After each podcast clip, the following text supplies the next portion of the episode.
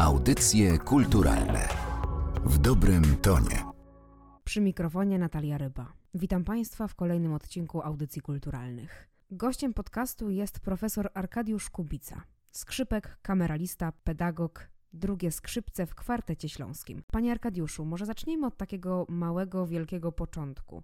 Czy pamięta pan swój pierwszy moment, kiedy wziął pan skrzypce do ręki i czy to była miłość od pierwszego wejrzenia? Historia jest taka bardzo rodzinna, że tak powiem. Mój ojciec e, nie był muzykiem, ale lubił bardzo muzykę. Grał sam na akordeonie, ale zupełnie amatorsko. I postanowił powiedzieć, trzy siostry starsze. Najstarsza gra na akordeonie, a najmłodsza będzie grała na skrzypcach. I poszedł do sklepu na gwiazdkę, kupił jej skrzypce. A moja najmłodsza siostra, znaczy nie jest, ja jestem najmłodszy, ale starsza ode mnie tam o 6 lat, powiedziała, że w życiu nie będzie na skrzypcach. I ojciec stwierdził, a może ty byś chciał zagrać na skrzypcach? Ja mówię, dobra, dla świętego spokoju.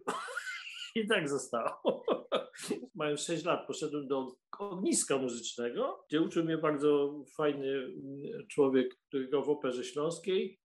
I potem, potem wyjechał z, z, z Polski, ale on mnie uczył od, bo nie znam liter nawet, prawda? Musiał mnie uczyć. Gąskę rysował, to było G, pamiętam, domek, wodę. No i tak się uczyłem po prostu jako sześciolatek. Znaczy tak od niechcenia właściwie. A propos edukacji, Jakich mistrzów spotkał Pan na swojej drodze muzycznej? Ponieważ ja już strasznie długo żyję, naprawdę długo gram na, tych skrzypcach, więc e, tych mistrzów było naprawdę wielu i miałem wielkie szczęście. Ja w ogóle mam taką dewizę, uważam i uważam to za prawdę, że największe szczęście w życiu polega na tym, żeby w odpowiednim momencie swojego życia poznać właściwą, właściwego człowieka. I to jest największe szczęście. Nie, że tam y, kogoś to mi coś załatwi, czy nie tak ogólnie powiem, w odpowiednim momencie życia poznać odpowiedniego człowieka. I tu muszę powiedzieć, że miałem dużo szczęścia w życiu. Mój teść mówił tak, głupim można być, szczęście trzeba mieć. Chyba tych mistrzów było wielu. I miałem takie szczęście, że po tym pierwszym kontakcie z tym niezłym nauczycielem trafiłem do szkoły takiej popołudniowej imienia Karłowicza. W Katowicach były dwie szkoły muzyczne, Karłowicz, Szymanowski. To była szkoła popołudniowa, tym się różniły popołudniówka, a Szymanowski to było liceum muzyczne ze szkołą podstawową i tak dalej. Ponieważ ja już chodziłem do szkoły, zacząłem dużo później, zostałem przyjęty do drugiej klasy do profesora Konrada Bojska. To był skrzypek prowadzący drugie skrzypce w Wielkiej Orkiestrze Polskiego Radia, który jednocześnie był bardzo dobrym dyrygentem. Jak pani się interesuje troszkę filmem, to pierwsze, pierwsze polskie filmy, na przykład Skarb, bardzo dużo muzyki filmowej e, wykonywał Nos, Wospr wtedy, pod dyrekcją Konrada Bryska. On miał świetne, świetne wyczucie stylu, był skrzypkiem, był, był dyrygentem, prowadził różne inne zespoły, ale to nie jest tak istotne. Natomiast był świetnym muzykiem, bardzo barwna osobowość i on niewątpliwie wywarł duże na mnie piętno, że tak powiem ale tą swoją niezwykłą muzykalnością przede wszystkim, tak bym to powiedział. A potem, no potem poszedłem do akademii. Tak mówiąc szczerze, nie wiedziałem, czy dostanę, czy nie. Miałem w zanadrzu filozofię. Jakbym się nie dostał, a wie pani dlaczego? Bo kiedyś chłopcy szli do wojska. Więc ja nie chcę iść do, do wojska, stwierdziłem jakby co, to będę zdawał na filozofię. E, takim e, naszym bardzo znakomitym pedagogiem był na przykład pan e, Lewin, ale ze Szwecji, nie ten Lewin, tylko Lewin ze Szwecji, altowelista Kurt Lewin zresztą, altowelista ze Szwecji, który grał w takim słynnym kwartecie szwedzkim Kindle Quartet. I on przyjeżdżał do Łańcuta przez wiele, wiele lat. Myśmy do niego jeździli. Nazywał nas Los Banditos. Wspaniałe. Także to było takie jego określenie i muszę powiedzieć, że po latach, kiedy już moja córka później pojechała do, do Łańcuta właśnie na kurs, e, odwoziłem ją i poszedłem, on jeszcze wtedy uczył, poszedłem do niego i on odwiarzył, o, Los Banditos, że tak to wyglądało, a potem no, oczywiście spotkaliśmy wiele wspaniałych osób, ja często o tym też opowiadam swoim studentom. Przecież byliśmy na kursie u Hatto Bajagle, to jest lista z kwartetu Berga, z tego pierwszego składu. E, no, mógłbym tu wymieniać, wymieniać, wymieniać tych e, mistrzów, było naprawdę wielu, ale wydaje mi się, że to, co rzeczywiście wywarło na nas największy wpływ, to chyba kontakty z kompozytorami. Takie pierwsze prawykonania to jest właściwie przed 80 rokiem. Te postaci, z którymi żeśmy się stykali, no przez całe te lata właściwie, tak? Mógłbym tu wymienić e, no ich naprawdę nie chciałbym nikogo pominąć, dlatego nie wymieniam ich.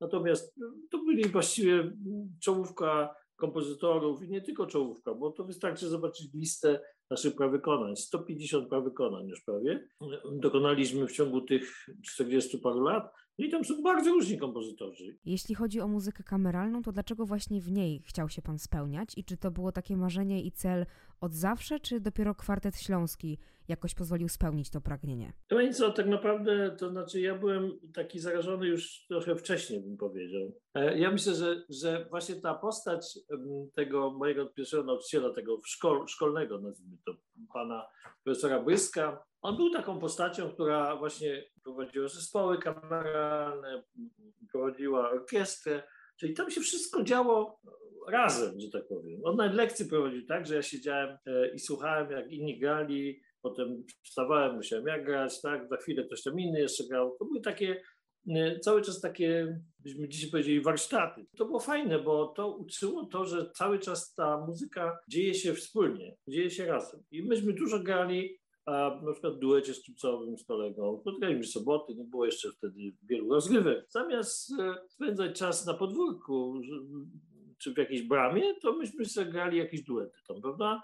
E, skrzypcowe, potem z koleżanką pianistką, więc to, to, e, tak, to tak to się zaczynało, że tak powiem. Potem trio fortepianowym grałem w szkole średniej.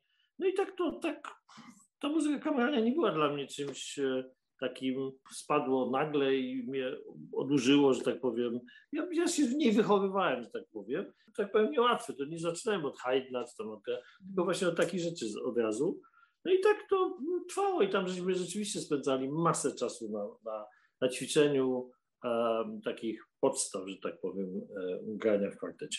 A z Pana perspektywy jako pedagoga, czy wielu jest aspirujących muzyków, którzy chcą właśnie spełniać się w muzyce kameralnej? To znaczy, ja mam w tej chwili taką, taką obserwację mm, i to powtarzam też studentom, którzy tak czasami mało entuzjastycznie podchodzą do tych przedmiotów z kameralistyki na studiach.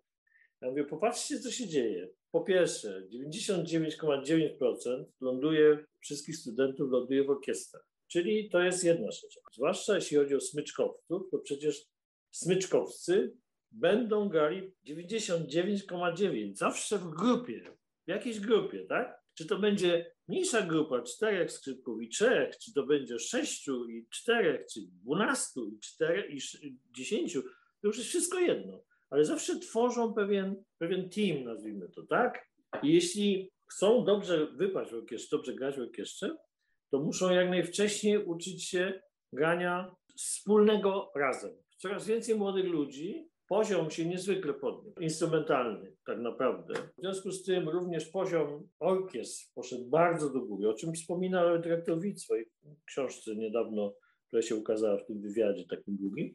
Soliści, którzy wygrywają międzynarodowe konkursy, naprawdę. Oczywiście też lądują przecież w tych orkiestrach, bo szukają pracy to budowanie takiego zespołu, jakiegoś akurat kwartet smyczkowy, to jest naprawdę budowanie przede wszystkim brzmienia, o czym często nie zdajemy sobie sprawy, na czym to polega. To jest budowanie pewnego typu brzmienia, pewnego typu brzmienia. Czy często, czy jesteśmy tego świadomi, czy nie, ale budujemy pewien typ brzmienia. Młodzi ludzie garną się do kameralistyki, no na zasadzie takich projektowych e, historii, natomiast ideałem by było, gdyby próbowali się zdecydować, powiedzieć sobie, dobra, to ja będę grał w kwartecie. Proszę zauważyć, byśmy się zwolnili z Nostry w 1984 roku. 84 roku. To był głęboki komunizm. Mhm. Wszyscy nam pokazywali tak. Mając pracę w Osprze, etatową pracę, czy byśmy byli doangażowani, to mieliśmy etat, naprawdę niezłe pieniądze, jak na owe czasy wtedy i tamte warunki,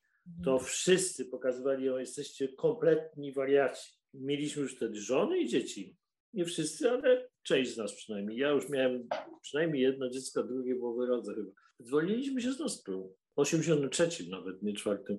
A, I zostaliśmy wolnymi strzelcami, nazwijmy to. Może pomówmy nieco o koncercie 23 listopada w ramach festiwalu Eufonie.